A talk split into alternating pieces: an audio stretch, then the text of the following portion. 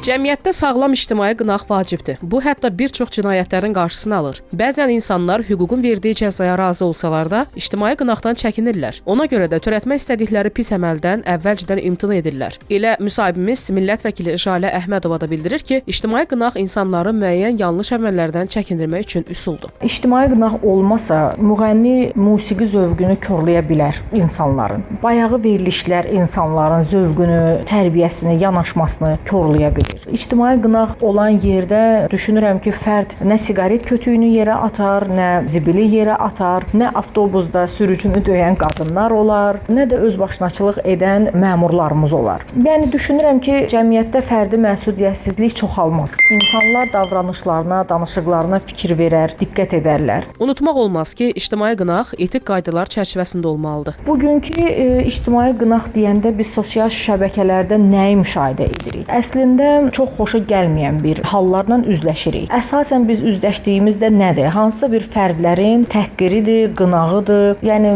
bu düşünürəm ki, qəbul olunmazdır. Çünki söyüş, təhqir bu ictimai qınaq deyil. Bu sadəcə olaraq tərbiyəsizlikdir. Mən düşünürəm ki, ictimai qınaqda milli mənəvi dəyərlər, mədəniyyət, abır-həya gözlənilməsi daha faydalı olar. Bu meyarların gözlənilməsi elə ictimai qınağın təkmilləşməsi deməkdir deyə düşünürəm və çox arzu edərəm ki, cəmiyyətimizdə də insanlarımız ictimai təhqir yox, ictimai qınağın məhz öz xüsusiyyətlərinə uyğun olan tərzdə bunu inkişaf elətdirərlər. İctimai qınaq ictimai nəzarətin bir formasıdır. Əziz dinləyicilər, nəzarəti gücləndirmək və keyfiyyətini artırmaq lazımdır.